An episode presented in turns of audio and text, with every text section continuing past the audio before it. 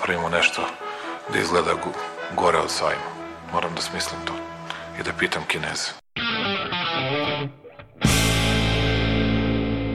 I've today left hospital after a week in which the NHS has saved my life. Ne mogu da verujem da narod koji je preživao sankcije, bombardovanje, svakojako maltretiranje će se uplašiti najsmješnijeg virusa u istoriji čovečanstva koji na Facebooku postoji. And now I'm better and maybe I'm immune, I don't know. Dobro večer. Mene su poslali iz štaba. Ja ću vam pomoći. Aleksandar Kocić Jelena Viser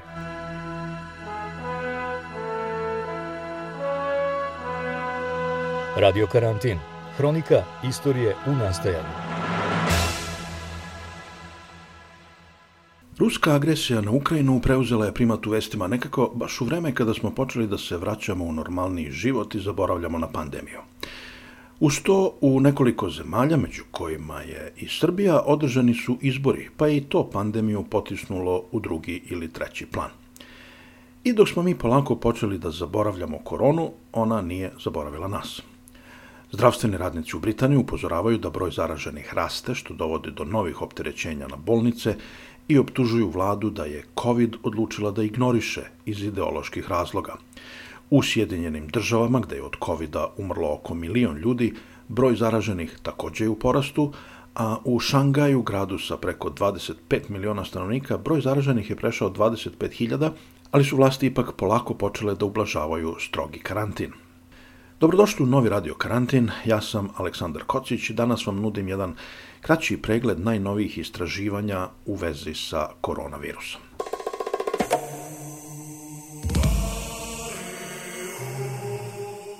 Počet ćemo od najnovijih saznanja da ljudi koji su preležali COVID imaju u narednih godinu dana povišen rizik od diabetesa. Ovo je pokazala jedna američka studija sa skoro 200.000 učesnika. Ta studija, nedavno objavljena u časopisu The Lancet Diabetes and Endocrinology, samo je posljednja u nizu koje ukazuju na ovaj problem. Časopis Nature s tim u vezi prenosi reči jednog od autora studije Zijada Al-Alija iz Mizurija, koji kaže da će nam ova pandemija ostaviti u nasledđe čitav niz hroničnih bolesti. Al-Ali i kolega Jan Sije, koji zajedno rade u zdravstvenom sistemu vojnih veterana u Mizuriju u Sjedinjenim državama, pregledali su zdravstvene kartone 180.000 pacijenata koji su prelažali COVID i uporedili ih sa kartonima nekih 4 miliona ljudi koji nisu dobili COVID. Oni su prethodno na sličan način došli do zaključaka o povećanom riziku od otkazivanja bubrega, srčanog ili moždanog udara kod pacijenata od covid a sada su zaključili da je kod onih koji su preležali COVID za 40% povećan rizik od diabetesa. To znači da su na svakih hiljadu ljudi koji su preležali COVID našli 13 sa diabetesom. Skoro svi su imali diabetes tip 2. Ova studija je takođe pokazala da su šanse da će pacijent dobiti diabetes rasle u zavisnosti od težine bolesti od covid -a.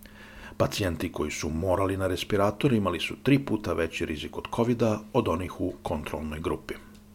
Ako se ima u vidu da je od covid u svetu obolelo skoro 500 miliona ljudi, što su samo potvrđeni slučajevi, to onda znači da može doći do naglog porasta broja obolelih od diabetesa – Ipak, kada je u pitanju studija iz Mizurija, treba imati u vidu da je ona uglavnom obuhvatila američke vojne veterane, dakle mahom starije muškarce, belce, među kojima veliki broj ima povišeni krvni pritisak i viša kilograma, što ih i bez covid stavlja u rizičnu grupu za diabetes, kako za Nature naglašava epidemiolog Gideon Mejerovic Katz sa Univerziteta u Wollongongu u Australiji. On dodaje da je taj rizik daleko manji kod mlađih, ali istovremeno daleko veći kod određenih etničkih grupa. Radio karantin. Nažalost, potencijalni problemi za obolele od covid ne prestaju sa rizikom od diabetesa. Jedna švedska studija utvrdila je da u prvih šest meseci nakon infekcije covidom raste rizik od ugrušavanja krvi. To se pre svega odnosi na one koji su imali teži oblik bolesti i one koji su bili zaraženi u prvom talasu pandemije. Autori studija napominju da je zato važno vakcinisati. Prethodne studije pokazale su da ugrošavanje krvi može da izazove upravo vakcina, ali da je taj rizik daleko manji. I ovoga puta istraživanje je pokazalo da najveći rizik od ugrošavanja krvi imaju pacijenti sa težim oblikom bolesti, dakle oni koji su zbog covid morali na bolničko lečenje. Švedski naučnici su pratili zdravstveno stanje nešto preko milion ljudi koji su bili pozitivni na COVID u Švedskoj u periodu februar 2020. maj 2021. i to uporedili sa podacima o 4 miliona ljudi iste starosti i pola koji nisu bili pozitivni. Zaključili su da infekcija COVID-om povećava rizik od ugrošavanja krvi u nogama do 3 meseca, u plućima do 6 meseci i moždanog udara do 2 meseca. Videli su da na 10.000 obolelih od covid četiri osobe će imati ugrošavanje krvi u nogama i 17 u plućima, dok je kod onih koji nikada nisu bili pozitivni na COVID taj broj 1 za noge i manje od 1 za pluća. Ova studija, objavljena u British Medical žurnalu, još kaže da je rizik od ugrošavanja krvi najvjerovatnije bio veći u prvom talasu pandemije, zato što je tada bilo najmanje poznatih načina lečenja covid i nije bilo vakcina. Radio karantin. Stara dilema za mnoge ljude bila je i ostala da li da se vakcinišem ako sam preležao COVID. Tri nedavno objavljene studije kažu da, jer vakcinacija posle preležanog covid nudi dugotrajnu zaštitu. Jedna od tri pomenute studije kaže i da vakcina posle preležanog covid nudi takozvani hibridni imunitet, koji traje duže i štiti bolje, posebno u prvih 6 do 8 meseci nakon vakcinacije. E sad, Ove studije koristile su podatke prikupljene pre pojave omikron soja, što donekle dovodi u pitanje validnost studija. Ako se ipak na kraju ispostavi da njihovi zaključci stoje i kada se uzme u obzir omikron, onda bi to moglo da ima uticaja na dalje formiranje vakcinacijskih mera i vakcinacijskih propusnica, koje se još uvek traže za ulazak u restorane i druge zatvorene prostore u mnogim zemljama. I ono što je najvažnije, ove studije direktno demantuju ranije argumente da ljudima koji su preležali COVID vakcine nisu potrebne. Ipak ima i onih koji još uvek nisu ubeđeni. Švedski epidemiolog Peter Nordstrom sa univerziteta Umea kaže za časopis Nature da su on i kolege pregledali podatke Švedske agencije za javno zdravlje u periodu mart 2020. oktobar 2021 i da su zaključili kako vakcine naravno povećavaju zaštitu od covid ali i da nema potrebe diskriminisati nevakcinisane koji su samo preležali COVID. Radio karantin. I kad ste već ovde, ja bih da vas zamolim za pomoć. Sa novom novinarima vam je kao sa lekarima.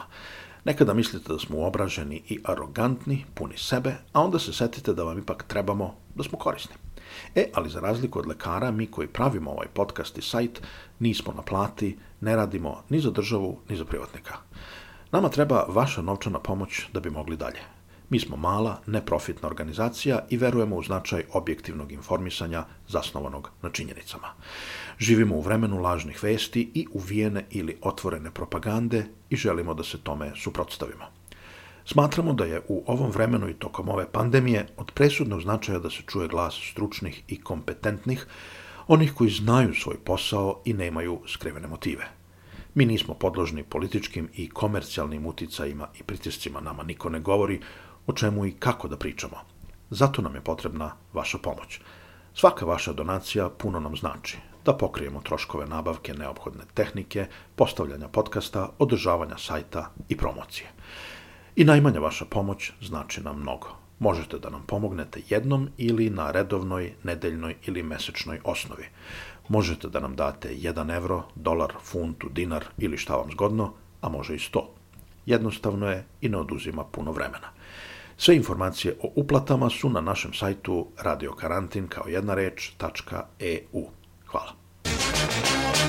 Čuli ste do sada vesti o novim istraživanjima na polju borbe protiv i boljeg razumevanja covid -a.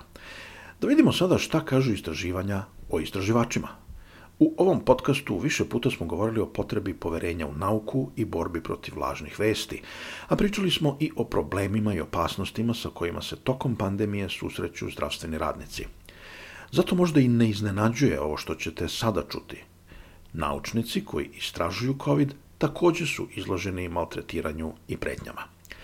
Dva nova istraživanja na tu temu ukazuju da su najvećem maltretiranju očekivano izloženi oni naučnici koji se najviše pojavljuju u medijima.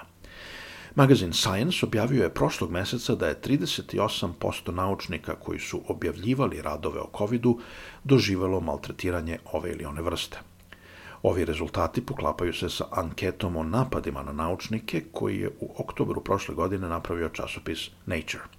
Ta anketa ustanovila je da je četiri petine naučnika bilo izloženo uvredama na internetu, a da je njih 70% dobijalo fizičke pretnje posle pojavljivanja u medijima.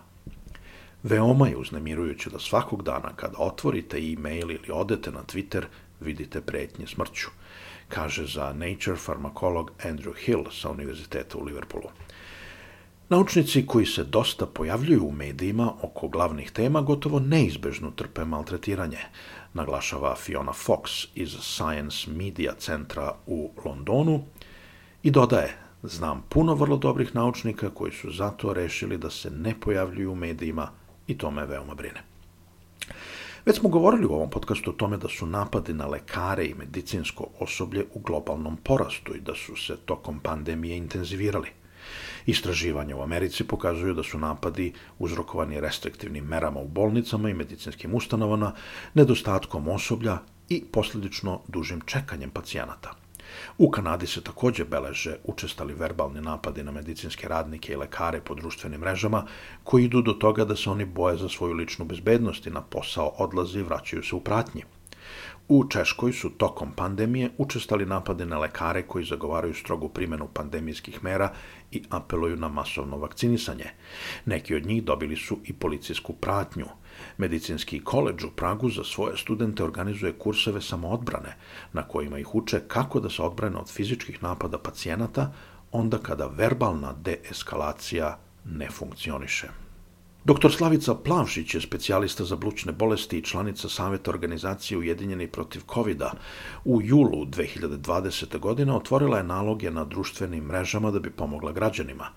Dnevno odgovara na dvadesetak pitanja. Veliki broj ljudi je prati i pruža joj podršku. U novembru 2020. spasila je život čoveku čijoj se sin obratio za savjet putem Twittera, jer u bolnici nije bilo mesta, a hitna pomoć nije dolazila. I o ovome su izvestili mnogi mediji, a Slavica je na društvenim mrežama hiljadama poruka podrške slavljena kao heroina.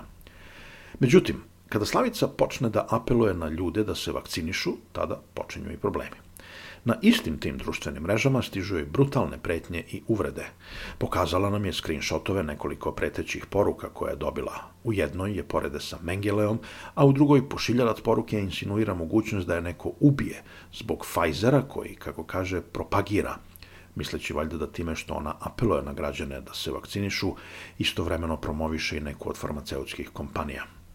Kada je krenula sa, sa vakcinacijom dece, u, kada je dozvoljena u drugim državama i kada smo počeli da pričamo o tome da bi trebalo da se da to bude i u Srbiji, mi seća se da je to bilo prošle godine negde oko 1. maja, kad sam objavila to, tu preporuku ovaj, našeg instituta Batut i uh, tela za imunizaciju, da je dozvoljena vakcinacija dece od najpre 17-18 godina, a posle nekoliko dana već i za decu od 12 do, do 16 godina.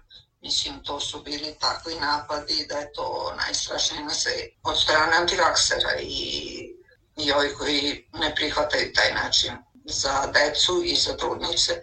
Onda je isto tako ovaj, kada, kada sam apelovala na to da se trudnice moraju vakcinisati, da, da, kao i dojilje, i kada smo imali Znači, to su bili strašni napadi, mislim, ali to ne je bilo da ono, e, ova doktorka bi sad išla redom i vakcinisala sve živo po sto puta, tako se nekako svodilo na, komentari su bili takve, takve prirode i da nisam normalna i da da bi tako nešto uradio svoje deci ili već mislim da ne navodim kakve sve su urede bile.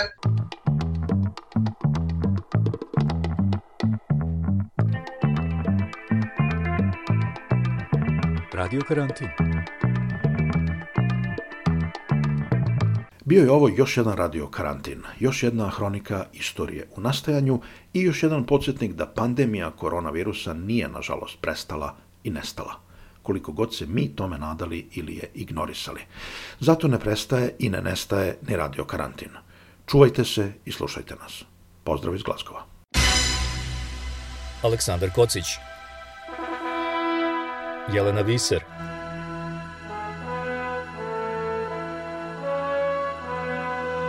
Radio Karantin.